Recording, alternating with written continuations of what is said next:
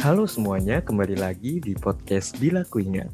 Hari ini, gue dan Ito pengen ngebahas uh, bagaimana survive jadi deadlineer ujian.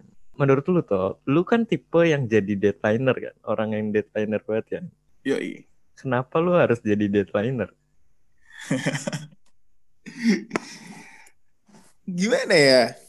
Uh, kayaknya itu sifat dasar manusia kan sih? Kebiasaan. Jadi kayak uh, kalau kita kalau kita ngerasain sesuatu yang enak, kalau kita ngerasain sesuatu yang enak, pasti kita ngerasa, oh kita ketagihan lama-lama sama yang enak itu. Dan yang enak itu biasanya nunda. Lu dapet tugas dari Senin. Terus deadline-nya dikumpulinnya Senin minggu depan. Lu kalau dapat dapat dapat dapat tugas terus langsung lu kerjain, rasanya itu kayak wah ini kayaknya waktu masih lama banget gitu. Kenapa kita nggak nunda aja gitu. Terus kayak misalnya ada ujian. Ujiannya itu masih minggu depan. Tapi kalau misalnya kita nyiapinnya dari hari ini, wah kayaknya waktu mainnya berkurang deh. Jadi kayak ngerasa, wah enak banget gitu kita punya waktu main lebih banyak. Terus uh, ngerasa kayaknya nggak masalah buat buat belajar Hamin satu, Hamin dua, dan nilainya juga bisa bagus-bagus aja gitu. Jadi lama-lama ketagihan, kebiasaan sih. Terus uh, jatuhnya lebih kayak hasil dari sebuah kebiasaan gitu loh, Li. Terus mm-hmm. kalau mau, gue ngerasa waktu SMA itu zaman zamannya gue males banget buat duduk dan belajar. Jadi kayak belajar itu bukan bukan sesuatu yang menyenangkan lah buat gue. Kayak males banget gitu. Kewajiban ya. Iya, kayak gue belum ngerti, belum ngerti kewajiban kewajiban siswa sebagai seorang yang belajar gitu. Iya sih. Bener bener. bener. Kalau sendiri kita mikirnya main gitu ya. Iya yeah, benar. Masih zamannya ngobrol. Zamannya main. iya anjir. Ya kalau gue sih gue juga sebenarnya tipe deadlineer ya, terutama buat ujian ya. Jadi di kuliah itu orang pasti tahu kalau gue tuh belajar hamin 5 jam. ujian ujian jam 7 mungkin jam 2 atau ya jam satu lah 6 jam lah ya jam satu jam 2 pagi itu gue baru belajar karena kalau gue belajar nih dari awal nih habis itu pasti gue lupa gitu loh karena nggak hmm. tiap hari nggak tiap hari lu baca itu kan jadinya kalau yeah. misalnya ujian Senin ya, ya kan sekarang eh hari ini Senin habis itu ujiannya minggu depan kan yeah kayak lu baca nih hari Senin, hari Selasa, hari Rabu, abis itu Kamis, Jumat, Sabtu, lu main. Kayaknya gue lebih mengingat gue main sama siapa gitu. Jadi apa yang ada. ya? iya, kayaknya uh, eh, gue nggak tahu sih. Tapi kayaknya manusia tuh bakal memahami lebih cepat atau menangkap lebih cepat cepat itu karena dia suka. Hmm Nah, kita milih, kita milih suka sama pelajaran atau suka sama main ya. Gue pilih suka sama main dong. Makanya gue pilih, gue ingat ya, oh gue sama, sama main sama temen gue nih hari Kamis, Jumat, Sabtu gitu. Pasti sih kayak gitu sih. Iya. Kalau gue. Bener banget sih. Gue pernah denger gitu cerita, cerita dari nyokap gue. Kalau misalnya ya anak SD gue kan waktu SD belajarnya itu ditebakin sama nyokap gue kan ditebakin hmm. jadi kayak kalau ada tugas kalau mau ujian ditebakin habis itu uh, ya udah gue belajarnya dari situ terus kata nyokap gue ya wajar wajar aja sih kalau misalnya SD belum sadar uh, kayak pentingnya belajar nanti SMP sama SMA juga lama-lama sadar. Kayak misalnya nyokap gue tuh selalu ngasih ngasih contoh uh, temennya nyokap gue tuh kayak gini temen nyokap gue kayak gini. Ya udah gue mah iya iya iya iya jangan terus ya udah SD lewat masuk SMP kok belum juga ya? SMP tuh zaman zamannya gue wah gila sih main game online itu udah kayak pulang sekolah sampai malam pulang sekolah sampai malam pulang sekolah sampai malam kayak gitu terus tuh tiga tahun. Itu nilai gue zaman zaman kacau kacaunya dan gue benar-benar nggak sadar apa apa itu maksud belajarnya. SMA juga gitu. SMA juga gitu. Jadi kayak gue nggak ngerti masa-masa sekolah gue tuh diisi sama uh, gue nggak sadar gitu apa maksud belajar dan jatuhnya jadi deadliner gitu sih zaman zaman SMP gue zaman zaman SMP nggak pernah belajar sih itu gue kelas 9 baru kalau gue nggak di peringkat paling bawah terus gue nggak ketemu lu gue nggak bakal belajar kali Pak Hari ya. Iya. Kenapa lu nyusahin diri lu tuh sebagai deadlineer tuh nah apa ya? Karena gue nggak punya pilihan. Kebiasaan kan bisa sebelumnya nah ya udah gue balikin ke lu. Kenapa lu jadi deadlineer? Kenapa lu mau nyusahin diri? Karena gue tahu gue tipe orang yang kalau baca nih yeah. habis itu uh, tinggal tidur gue udah lupa mendingan gue tidur lagi gitu. Gue nggak nggak nggak bakal ingat anjir apa yang gue pelajarin. Jadi gue belajar hamin lima jam okay. ya udah itu itu sama kayak gue sih kalau gue jatuhnya gue mungkin inget kayaknya itu kayaknya itu cara cara otak manusia bekerja nggak sih? Dia banyak ingat. Uh, jadi short term memory-nya itu jauh lebih bagus. Kalau misalnya kita belajar deket-deket sama ujian. Tapi uh, ya itu yang kita dan itu yang gue pakai juga sih. Kayak gue ngerasa kalau misalnya belajar deket-deket sama ujian itu akan lebih masuk dan jatuhnya selain selain karena itu kebiasaan yang kebentuk gitu loh selama bertahun-tahun dari SMP terus SMA dari kuliah dan itu ya udah sampai sekarang lanjut terus. Jadi kayak ya jatuhnya sebenarnya bukan nyusahin diri sih tapi uh, ke, terbiasa gitu loh sama sama cara belajar yang deket-deket sama ujian cara belajar yang, yang ngerjain tugasnya itu deket-deket sama hari pengumpulan gitu. Kayaknya cuma lu doang deh tuh yang bisa nangkep. Dengan sistem apa sistem deadlineer sih. Maksudnya lu belajar yeah. nih lu memahami gitu dan mengingatnya. Kalau gue kayaknya mengingat doang pas tulis nama pas tulis nama juga kayaknya udah lupa deh. Kayaknya itu jatuhnya sisi positif negatif gak sih? Kayak iya. uh, eh, gue ngerasa positifnya itu kalau misalnya kalau misalnya gue jadi deadlineer ya gue ngerasa ada kekuatan super power gitu loh Li yang muncul. Iya kayak, sih bener. tiba-tiba tuh kita jadi ngerti banget tiba-tiba kita jadi gampang buat buat ngafal gitu. Itu kayak kekuatan super power gitu yang muncul. Terus uh, eh, gue ngerasa sisi positif positifnya juga ngelatih kita buat fokus ya. Karena tahu diri tahu diri kita nggak punya banyak waktu. Ujian ujian besok Senin sekarang hari Minggu. Kalau misalnya kita nggak fokus misalnya kita malah tidur kita malah main jatuhnya besok nggak bisa ngerjain ujian. Jadi kayak ya udah pilihannya cuma satu harus belajar di sisa waktu yang ada gitu. Terus nah. Sebenarnya ada positifnya lagi sih. Kayak kita punya banyak waktu buat ngelakuin hal sampingan. Kayak misalnya yang lu bilang tadi kayak main main sama temen hmm. lu habis itu kayak misalnya ngerjain hal yang lain. Itu kayak punya banyak waktu selain selain mikirin pelajaran atau uh, mata kuliah yang lagi di uh, lagi di jadwalin buat ujian gitu. Sama kita belajar bagi waktu. Nah tapi ada negatifnya juga nih. Kayak gue ngerasa uh, oke okay, oke okay, gue gue gue bisa ngerti pelajaran yang gue gue gue pelajarin hamin satu gue bisa ngerjain ujian tapi habis itu ya udah lupa jadi kayak gampang gampang banget buat ngelupain apa yang udah kita pelajarin meskipun kita bisa ngerjain ujian gitu. Itu gue sih sebenarnya. Terus apa ya? Hmm, jatuhnya gue ngelihat nggak semua pelajaran tuh bisa di nggak nggak nggak semua pelajaran bisa dipelajarin hamin satu atau hamin dua. Gue ada beberapa pengalaman sebenarnya. Nanti deh gue gue ceritain. Uh, ada beberapa pengalaman kayak mata mata pelajaran ini tuh bisa, mata pelajaran ini nggak bisa, mata kuliah ini bisa, mata kuliah ini nggak bisa gitu.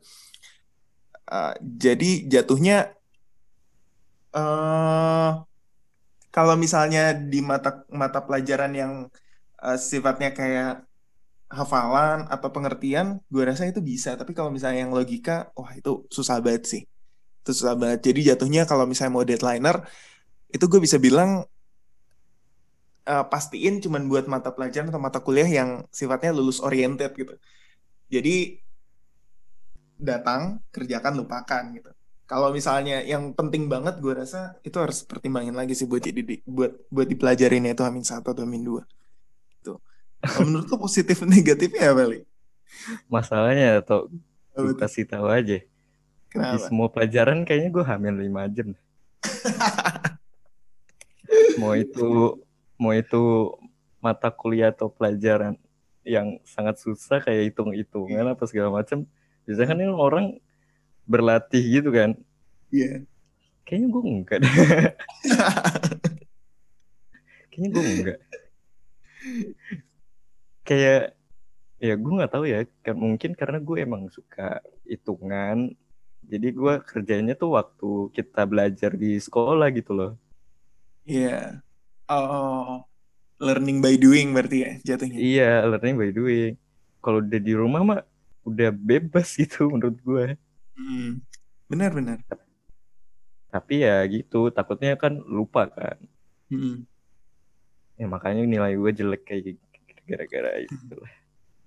Baik sebenarnya positifnya juga gimana ya kita tuh kayak jadi deadlineer itu kayak jadi punya rasa apa ya responsibility yang besar gitu loh. Hmm. Karena kan kita nggak mau nilai kita jelek kan. Iya benar. Ya kan, apalagi itu misalnya matkul yang penting gitu kan. Benar. Akhirnya lama-lama kita mikir buat eh, berpikir buat bagaimana caranya gue cepet nih buat mahamin atau ngingetin gitu loh. Benar. Jadi kayak melatih melatih pola pikir gitu lah. Hmm. Terus Terbiasa kayak berpikir cepat nggak sih jadinya? iya umpamanya kayak lu manusia ya kan Iya. Pelihara anjing galak tetangga terus dilempar eh terus dilepas Iya. lu lari sekuat tenaga kan Iya. ya udah itu tuh keadaan deadlineer tuh kayak gitu tuh. bisa bisa bisa. langsung biar nggak digigit oke gue kerjain langsung atau nggak pikir cepet-cepet gitu kan Iya. kayak gitu sih habis itu kita jadi banyak cepet ngambil keputusan gak sih karena waktu kita terbatas kan Oh iya benar. Terbiasa ngambil keputusan cepet ya. Heeh. kalau buat semangat buat semangat kayaknya kita kurang sih bagi orang yang emang ambis ya atau enggak Hmm. orang yang suka belajar Iya. tapi bisa bisa lah buat nyaingin tapi biasanya ya orang yang yang deadlineer tuh kadang hasilnya biasa aja jadinya ya Oh benar juga. Benar juga. Nggak maksimal ya hasilnya. gak maksimal kan Benar. kalau kita bisa gabungin kerajinan kita sama ke deadlinernya kita tuh kayaknya lebih mantap deh Jadi powerful banget ya kayaknya. jadi powerful aja Punya banyak ide, kerjainnya eh, cepat ngerjain sesuatu, di- digabungin sama punya waktu yang banyak. Wah, bener kan sih.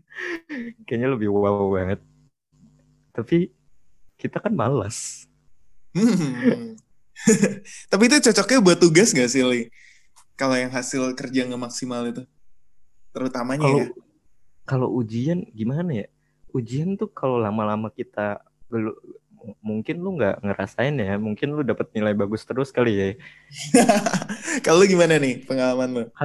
kalau pengalaman gua dan gua ngelihat orang Hmm. gua gua tuh kalau ujian hamil 5 jam hasilnya B aja B aja. nggak nggak jelek-jelek banget ya bagus-bagus banget misalnya kalau misalnya di 1 sampai 10 ya gue dapetnya 6, 7, 7 setengah Oke. Itu mungkin gara-gara gue nggak masuk IPA gara-gara itu kali ya Mungkin lu perlu nambahin waktu belajar lu gak sih dari 5 jam jadi 7 jam. bisa bisa malas banget anjir itu. Gue nggak bisa mikir yang terlalu lama sih. Bisa, cuman harus ada breaknya. Tapi Hmm. biasanya break, biasanya tuh break itu memberikan suatu keburukan gitu loh. Hmm. Kita udah lihat HP, tiba-tiba bukannya 30 menit jadi dua jam. Wah, itu racun banget sih. Racun banget. Racun banget itu. Di Jadi itu distraksi dis- distraksi yang harus dihindarin ya, Li. Kayak Iya, HP itu sebagai itu seorang negatifnya lah ya. Iya. Negatifnya tuh. Itu tips kali ya. Jatuh- Jadinya itu kayak tips yang tadi HP itu. Jangan sampai kalau misalnya udah tahu waktunya tinggal dikit, membuat diri kita terdistraksi sama hal-hal yang udah tahu, ya itu bakal ganggu fokus kita gitu. Kayak misalnya HP. kayak kayak ada ya jadi deadliner mungkin ada positif ada negatifnya tapi eh, buat di dunia mungkin di dunia kita belajar mungkin nggak apa-apa ya karena kan Hmm. tanggung jawabnya di diri kita kan tapi kalau Oh, iya. misalnya Benar-benar. di kerja mungkin kita sangat-sangat tidak di ini ya tidak Nggak di- disarankan. disarankan karena takutnya ya gitu hasilnya nggak maksimal sedangkan perusahaan menuntut kita buat bekerja semaksimal mungkin Benar, benar, benar. itu guys padahal gue belum kerja lah jadi gue nggak tahu Iya. Nggak mau di-spill nih yang tentang kemarin gimana nih? itu kita bahas episode selanjutnya ya. tapi Jadi- menurut lu tuh deadliner itu timbulin lu jadi rasa malas yang besar gak sih Rasa males ya? Oh, berarti ini rasa males dan deadliner ya? Em, iya gue ngerasa nemuin gue ngerasa nemuin keseimbangannya waktu gue kuliah nih. Kebanyakan kan alasan orang nggak alasan orang nggak deadliner atau nyicil itu karena mereka punya waktu banyak kan. nah kalau kalau waktu kuliah ini gue ngerasa ada gue gue dapat keseimbangannya gitu. Namanya kuliah kan pasti kita harus nyari antara main, organisasi, sama belajar atau kuliah ya kan. Nah, Hmm. gue ngerasa di kuliah ini uh, banyak hal yang yang bisa ngedistraksi gue enggak yang yang ter yang terbentuk sehingga membuat gue terdistraksi dan gue punya waktu yang lebih dikit buat belajar gitu jadi otomatis uh, mau nggak mau gue pasti jadi deadliner karena kalau misalnya gue punya banyak waktu ya gue pasti milih hal yang lain gitu di lain di di luar belajar gitu jadi jatuhnya uh, gue akan tetap jadi deadliner sejati tapi ada beberapa kegagalan yang eh, itu nggak nggak gue temuin di sekolah gitu. Kalau misalnya di sekolah dari SMP sama SMA, ya ini kayak riwayat keberhasilan gue deh, riwayat keberhasilan. Kebanyakan itu adanya di sekolah gitu. Kayak yang paling epic yang masih gue masih gue inget sampai sekarang, mata mata pelajaran PKN atau kalau waktu SMP kan disebutnya PPKN ya. Gue lupa tuh kepanjangannya apa, tapi pokoknya itu kewarganegaraan. Iya. Nah, kayak biasa, gue pasti belajarnya Amin satu. Nah, masalah muncul kalau misalnya Amin satu tuh gue ngantuk banget. Wah, itu masalah banget. Dan waktu itu kebetulan, gue ngantuk banget, jatuhnya gue ketiduran. Gue ketiduran di Amin satu, dan gue baru bangun jam 5 pagi. Gue belum belajar PKN sama sekali, padahal itu ujiannya jam setengah 8. Meskipun Eh. ujian setengah 8 kan, kalau misalnya marsut, itu pasti kita tetap masuk jam 7 kan? Tapi biasanya agak molor gitu, jam 7 lewat 5, 7 lewat 10 baru masuk kan.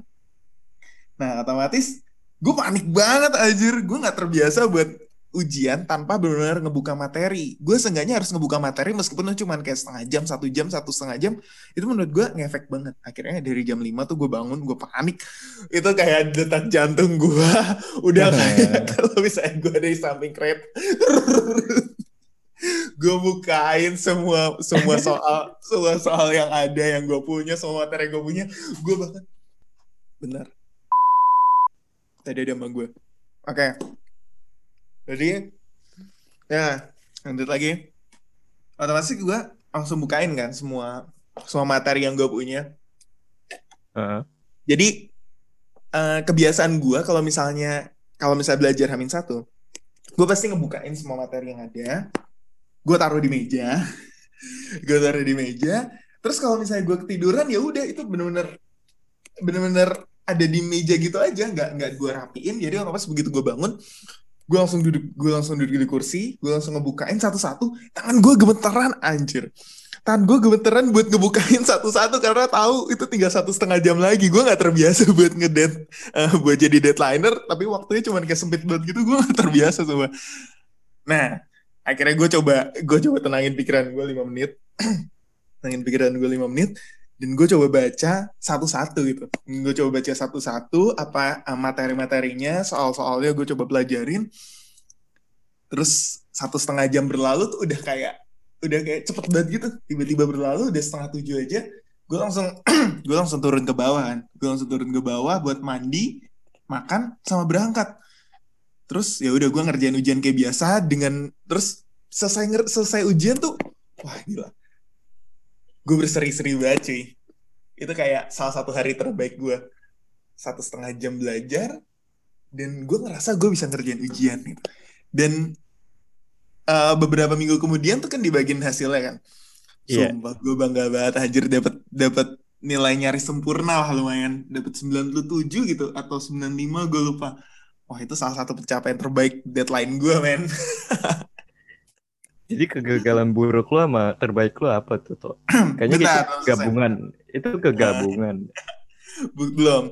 Dan keba dan kebanyakan itu yang berhasil itu justru ada di SMP sama SMA nah tapi begitu gue kuliah uh, ada ada beberapa ada beberapa mata mata kuliah yang meskipun gue berhasil kayak misalnya hafalan atau pemahaman itu kan gampang banget ya. Bisa kita pelajarin hamin satu hamin dua tinggal dihafal habis nanti ujian ya udah tinggal ditulisin apa yang dihafal. Gampang gitu. Tapi ada ada mata kuliah yang kayak misalnya gue sebutin nah, mata kuliahnya kayak namanya hmm, pengelolaan sumber daya air. Jadi itu kayak logika programming pakai software yang namanya MATCAD nah software itu digunain buat perhitungan saintifik dan uh, gue belajar hamin dua. Tapi karena mata kuliahnya susah ya, gue ngerasa susah banget sih buat gue. Uh, akhirnya gue nggak bisa ngerjain. Gue cuma dapat uh, gue cuma dapat indeks C kalau nggak salah atau BC. Itu kayak batas terakhir gitu loh. Kalau gue dapet D, otomatis gue hmm. ngulang. Nah gue dapet C, wah yeah. itu udah parah banget. Dan gue rasa itu kebaikan dosennya sih. Karena gue nggak bisa ngerjain ujian dari lima soal, gue cuma bisa ngerjain dua. Terus ada lagi waktu tahun pertama uh, mata kuliah namanya fisika dasar sama matematika dasar. Nah itu gue nggak uh, ada ada ada suatu masalah habis UTS yang ngebuat gue habis UTS itu gue nggak masuk kelas sama sekali. Kayak gue cuma dari dari tujuh kali pertemuan atau 14 kali pertemuan gue cuma paling masuk dua atau tiga gitu jadi dikit banget. Tapi uh, eh, gue tetap berusaha ikut ujian karena nilainya itu kan dinilainya bukan dari absen tapi dari ujian. Kalau misalnya ujian lulus ya udah itu tetap lulus gitu dan ya udah gue coba dong meskipun gue nggak belajar gue nggak ikut kelasnya tapi gue coba belajar di Hamin dua Hamin satu. Dan wah itu apa banget ada uh, mata kuliah yang satu yang fisika itu gue masih gue masih bisa lulus nih dapet C. Batasnya D kan? Nah yang yang matematika nih dapet E aja gara-gara itu nggak bisa banget kan gue benar-benar ada di titik di mana gue ngerasa wah bahkan gue belajar gue belajar maksimal di sisa waktu yang ada aja itu nggak bisa gue kayak dari pagi sampai malam pagi sampai malam di dua hari terakhir itu kayak gue bukain satu-satu gue pelajarin satu-satu runtut ya itu tetap nggak bisa tetap nggak ngangkat. Karena uh, mat matematika itu kan urusannya sama logika kan. Lu nggak bisa ngebentuk uh. logika hanya dalam waktu yang singkat gitu. Lu butuh uh, butuh waktu rehat. Lu butuh ngasih waktu rehat ke otak lu untuk mencerna apa sih logika yang habis lu harus habis lu pelajarin gitu. Lu nggak bisa Terus? kayak masukin semua idenya dalam waktu satu dua hari dan akhirnya udah gue dapet E. Itu gue harus ngulang di semester pendek. Ya lumayan oh. lah gue ngulang meskipun ngulang gue tetap gak dapet bagus-bagus banget. Gue cuma dapet BC gitu. Ya itulah cerita cerita tahun pertama gue dan kebanyakan yang buruk-buruk gini ada di kuliah. Dan adanya di mata kuliah yang hubungannya sama logika gitu. Jadi ya meskipun meskipun itu berhasil di sekolah tapi belum tentu berhasil di kuliah dan gue nemuin nemuin uh, keseimbangan itu di tahun ketiga sama tahun keempat kuliah Jadi gue langsung metain nih, oh mana sih kira-kira mata mata mata kuliah yang uh, dia banyak hubungannya sama logika. Nah itu gue cicil. Tapi ada cicilnya, prioritasnya. Ya, gue gue prioritasin, gue prioritasin. Seenggaknya gue harus nyempetin di minggu terakhir sebelum ujian atau hamin tujuh. Itu gue benar-benar mulai belajar. Jadi kalau sebelumnya gue cuma belajar hamin satu ujian, hamin satu ujian. Jadi kayak misalnya ujiannya hari Senin sampai Jumat, Senin ujian, Selasa ujian, Rabu ujian, gue belajarnya hamin satu, hamin satu, hamin satu. Nah tapi kalau ini, oke, okay, gue harus nyempetin tujuh hari sebelum ujian gue harus sudah mulai belajar, terutama buat mata kuliah-mata kuliah yang susah. Nah, gue nemuin nemuin keseimbangannya di situ. Jadi pertama matain mata kuliahnya dan gue nyempetin waktu, seenggaknya tujuh hari. Gue rasa buat gue, buat gue, tujuh hari itu waktu yang tepat sih. Karena uh, kalau sebelum tujuh hari ya itu waktunya bisa gue pakai buat main, buat uh, organisasi dan lain-lain. Nah, tapi di sisa tujuh hari sebelum ujian, nah itu gue benar-benar fokus. Dan itu lumayan berhasil gitu dibandingkan kalau misalnya benar-benar cuman uh, belajarnya uh, hari satu hari sebelumnya itu sih. Jadi ya gue banyak yang berhasil tapi ada juga yang gagal. Gitu nih kalau lu? Ada suka dukanya ya? Iya suka suka suka dukanya. Kayaknya pas kita jadi deadlineer jadi kayaknya ada yang kita prioritasin lama-lama ya maksudnya. Karena menurut gue jadi deadlineer kita gak ada prioritas sebenarnya. Benar, benar. Tapi lama-lama pas kuliah kita ada prioritas. Oh ada nih mata kuliah yang harus uh, sebelumnya harus dipelajarin dulu nih. Karena nggak bisa nih dalam waktu sehari. Mungkin kayak gitu ya. Iya benar benar. Itu yang gue rasa gue rasain banget sih. Habis itu ya dalam prioritas lu sebenarnya di luar prioritas lu maksudnya itu lu hmm. lebih memilih yang nyaman. Iya. Yeah. sih? Iya. Yang nyaman. Jadi satu satu sampai hari kelima, oh am, kayaknya nyaman-nyaman aja gue tanpa belajar. Ntar pas hari enam mungkin ada timbul, oh harusnya gue belajar nih dari kemarin nih. Habis itu baru eksekusinya di hari ketujuh gitu kan. mungkin gitu sih.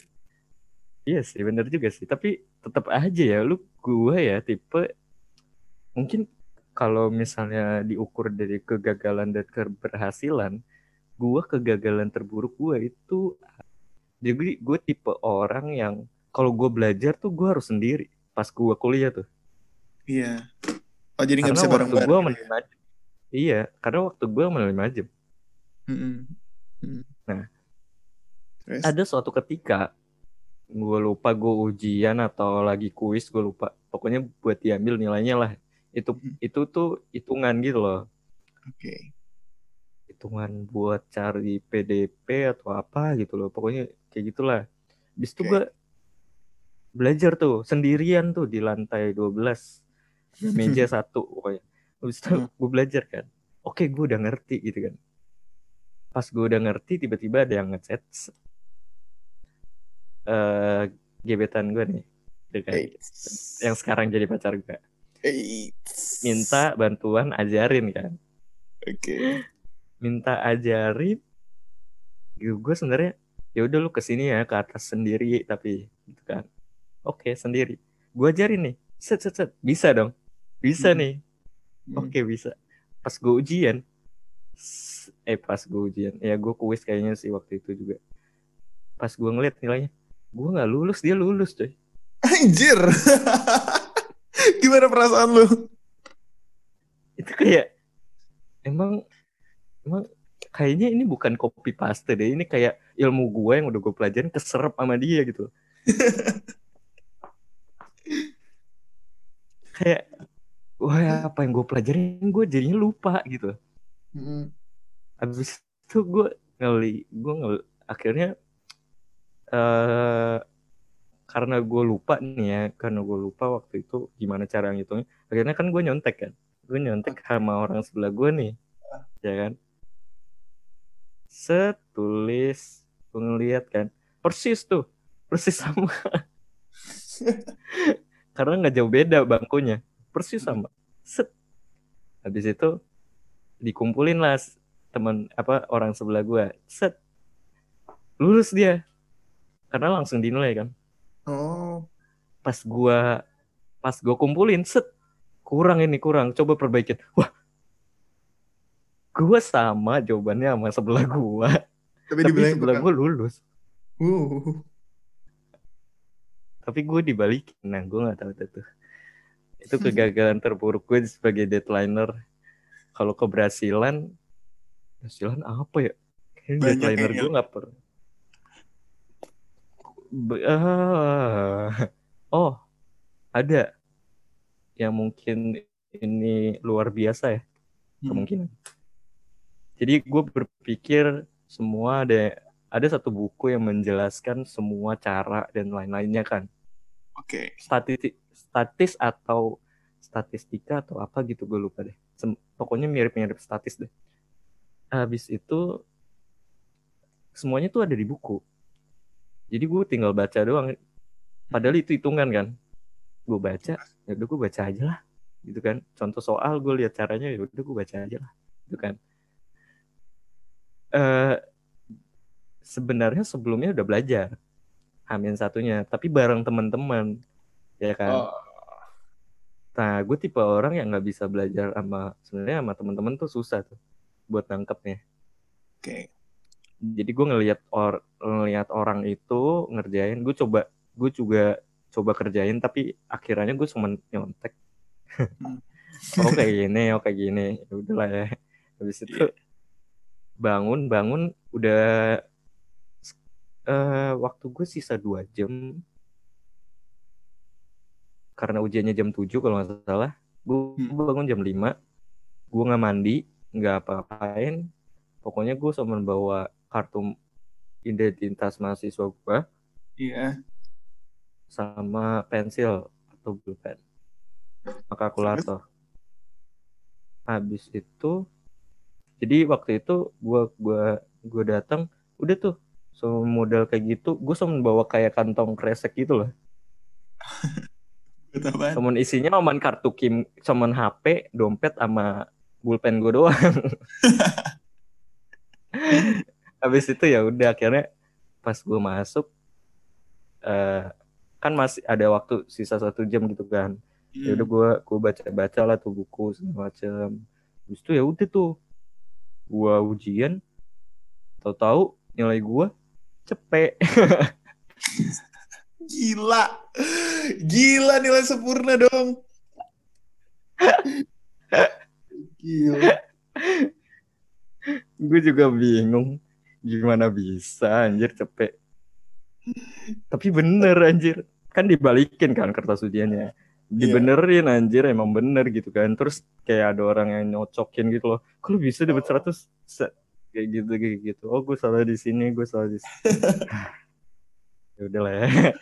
Gila keren banget. mungkin mungkin itu keberuntungan gue gitu. Mantap, mantap. mungkin kita bisa rangkum ya Eh, sekarang tips lu jadi deadlineer Tips gue ya. sebenarnya beberapa beberapa udah di ini nih Iya, beberapa. Mungkin di, Cara di, di sebutin lagi kali ya. iya Kayak misalnya yang menurut gua paling penting kalau misalnya lo kalian mau jadi deadlineer atau mau berhasil jadi deadlineer itu harus kenalin mata kuliah atau mata pelajarannya. Apakah dia sifatnya hafalan, pengertian atau logika gitu. Jadi kalau misalnya hafalan sama pengertian itu rasa-rasanya bisa dipelajarin Hamin satu atau Hamin dua atau bahkan kayak Lios tadi 5 jam. Itu bisa banget. Tapi eh, menurut pengalaman gua mata kuliah yang sifatnya logika atau bahkan kayak mata pelajaran matematika di SMA pun itu nggak bisa di nggak bisa dipelajari Hamin satu atau Hamin dua sifatnya harus dipelajarin dalam dalam jangka waktu yang lebih lama dan harus latihan gitu. Latihan ngerjain soal contoh-contoh soalnya. Nggak cuma dilihat nggak cuma diperhatiin tapi harus dicoba langsung. Karena itu yang bisa ngebentuk logika berpikir dan membuat kalian bisa survive ujian gitu. Itu keberhasilan gue tuh gimana tuh. itu special case ya buat orang yang buat orang yang wah keren banget lah ya itu beda ya nanti lu sebutin nah, nanti lu sebutin ya, ini ya kalau sebenarnya itu prioritas ya sebenarnya harus ada prioritasnya. benar benar benar. Intinya sih. Benar. Apa yang misalnya lu harus tahu mata mata kuliah yang nggak bakalan bisa hamin satu sama enggak itu dong sih sebenarnya intinya. Betul. Iya. Terus apa lagi? Gitu. Kalian kalian yang tahu sendiri lah pokoknya kemampuan kalian di mata kuliah atau mata pelajaran ini gimana, ini gimana, ini gimana. Kalau rasa rasanya diperhatiin dan catatannya lengkap, itu bisa di ya, bisa dipelajarin hamin satu atau hamin dua. Terus kalau oh. menurut gua, kalau menurut gua uh, tips lainnya adalah kalian harus punya harus punya catatan yang lengkap. Nah, terus dibaca catatannya satu sampai dua kali. Seenggaknya kalian harus tahu asal usulnya kenapa kayak gini, kenapa gini, kenapa gini gitu. Jadi jangan cuma kayak nangkep, oh ini uh, pengertian pengertiannya seperti ini. Misalnya sosiologi itu pengertiannya A, pengertiannya B. Tapi kalian juga harus tahu gitu kenapa bisa seperti ini, kenapa bisa kayak gini gitu urutannya kayak gimana. Dan uh, selanjutnya hindarin distraksi sih. Bahaya banget kalau misalnya ada HP di sebelah kalian dalam jang dalam jangkauan tangan kanan atau tangan kiri itu bisa membuat fokus kalian jadi apa ya buyar ke mana-mana gitu loh. Apalagi kalau misalnya ada notif yang masuk tuh terus layarnya nyala wah udahlah apalagi pak gitu. apa? Apalagi gebetan ya. Apalagi ya, gebetan yang ngechat wah itu itu itu harus dihindarin ya itu harus dihindarin jadi biar fokusnya tetap ada di depan di depan mata jangan sampai HP-nya itu ada dekat kita gitu. itu hindarin distraksi iya. terus selanjutnya bisa bisa ngatur self reward ya betul betul sekali. Ha, Jadi harus ngatur self reward tuh. Iya. Habis belajar satu jam dua jam ya boleh lah rehat bentar 10 menit 15 menit. Nah, itu boleh banget. Terus uh, beberapa keberhasilan terbaik gue itu menurut gue ditopang sama yang namanya pelajarin soal-soal tahun lalu. Wah, ini benar-benar gila banget sih efeknya. Dari SMP sampai SMA, hampir semua yang berhasil, itu gue pasti seenggaknya ngerjain, eh baca, ngerjain, dan mahamin apa yang uh, dikeluarin di soal tahun lalu. Nah, beberapa bahkan kayak kuliah itu gue pelajarinya nggak cuman uh, soal satu tahun lalu, tapi kadang-kadang ada yang gue coba cari buat uh, itu ada beberapa yang coba gue cari dua tahun sebelumnya, tiga tahun sebelumnya, meskipun gak gue kerjain, tapi gue tahu model-model soalnya yang keluar bakal kayak gini. Nah dari model-model soal itu hmm. yang pasti gue kerjain itu yang yang satu tahun lalu itu harus dikerjain itu wajib banget. Apalagi kalau yang dosennya itu sama. Kemungkinan besar model-model soalnya paling cuma diganti angkanya. Kalau nggak dia diganti misalnya awalnya itu modelnya misalnya uh, pergerakan kapal. Nah misalnya ini jadi pergerakan pesawat. Misalnya itu buat yang berhubungan sama fisika. Nah paling cuma model-model doang yang diganti gitu. Dan itu penting banget sih itu penting banget buat dipelajarin maksimal di satu hari sebelum ujian. Nah, terus uh, yang terakhir itu menurut gua harus yakin. Meskipun kita belajarnya, meskipun kalian belajar yang hamin satu atau hamin dua, kalian waktu ujian harus yakin. Gak, jangan jangan sampai masuk ruang ujian dengan ngerasa, aduh ini nanti soalnya gimana ya, aduh kayaknya gue nggak yakin deh buat ngerjain soal ini. Gak boleh gitu harus yakin kalau misalnya kalian itu udah siap gitu masuk ruang ujian meskipun cuma belajarnya itu dalam waktu yang sempit gitu. Karena ketika yakin, otak kita itu jadi eh, nggak uh, ketutup gitu buat buat mikir secara lebih luas gitu. Nggak cuma apa yang kita pelajarin. Jadi kayak ibaratnya apa yang kita pelajarin Hamid satu itu lebih ke arah persiapan gitu, mempersiapkan otak. Nah, tapi kan nggak mungkin soal ujian itu benar-benar sama persis sama kayak yang kita pelajarin. Kemungkinan besar pasti ada beda meskipun dikit. Nah, kalau misalnya otak kita pikirannya udah, wah nanti gimana yang ngerjainnya, gimana yang ngerjainnya kalau nggak sesuai sama apa yang dipelajarin gimana. Nah, jadi jatuhnya otak kita malah nggak bisa berpikir uh, logis gitu. Uh, tentang mencerna inputnya apa yang udah kita pelajarin terus diproses dalam apa ya diproses kira-kira kalau soalnya kayak gini bakal gimana soalnya kayak gini bakal kayak gimana. Jadi uh, penting banget buat membuat otak kita rileks jangan sampai tertekan jangan sampai stres. Jadi kita bisa berpikirnya itu lebih uh, lebih leluasa. Jadi jatuhnya kita bisa ngerjain ujian gitu kalau menurut lo apa li tips-tips yang tadi mungkin udah lo sebutin juga terus coba lo rangkum di sini tips gue adalah uh, sebelum ujian tidur dulu ya. Oh iya. Oke, mantap, mantap, mantap. setelah setelah itu kayaknya baru lu pikiran lu tuh kayak gak ada dosa gitu kayak bayi baru lahir. Oke. Okay. lu mungkin lu bisa lebih pahamin lebih cepat ya dibandingkan lu belajar. Yang itu sih menurut gue ya. Oke. Okay. Jadi bener, bisa bener. langsung langsung bisa pahamin daripada lu belajar malam tidur terus lu nggak belajar lagi kayaknya itu nggak bakalan keinget deh kalau lu nggak review ulang apa yang lu pelajarin hmm. terus apa lagi ya tips gue ya tips gue hampir sama sih kayak lu kayak tentang uh, mengendalikan self reward jadi hmm. oh udah belajar sih sejam dua jam itu ya udahlah megang HP nih terus kita kasih timer berapa menit gitu benar benar, benar.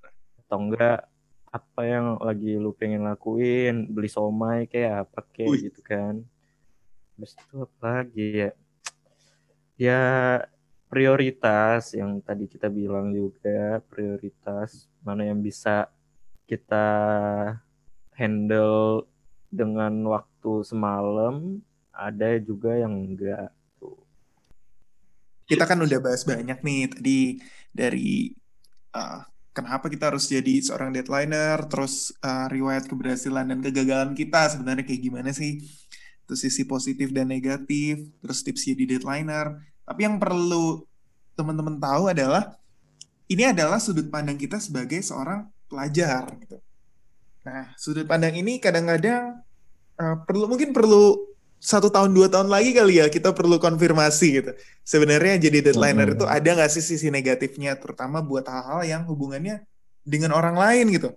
Jadi sebagai pelajar kita pasti yang kita pikirin cuman ke dalam ke diri kita sendiri, tapi kita nggak pernah tahu apa sih sebenarnya sisi negatif dari seorang deadlineer terhadap uh, terhadap misalnya organisasi yang lebih besar, misalnya seperti perusahaan gitu.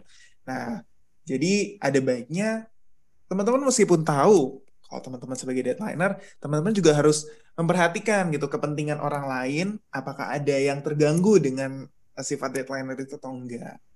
Nah, mungkin gitu aja kali ya, Li. Uh, podcast kita kali ini. Oh iya, jangan lupa 1 sampai 2 tahun lagi kita bakal follow up tentang topik ini. Jadi jangan lupa kalian tetap subscribe dan follow terus channel-channel kita biar nggak ketinggalan updatean-updatean terbaru kita. Sampai jumpa lain waktu.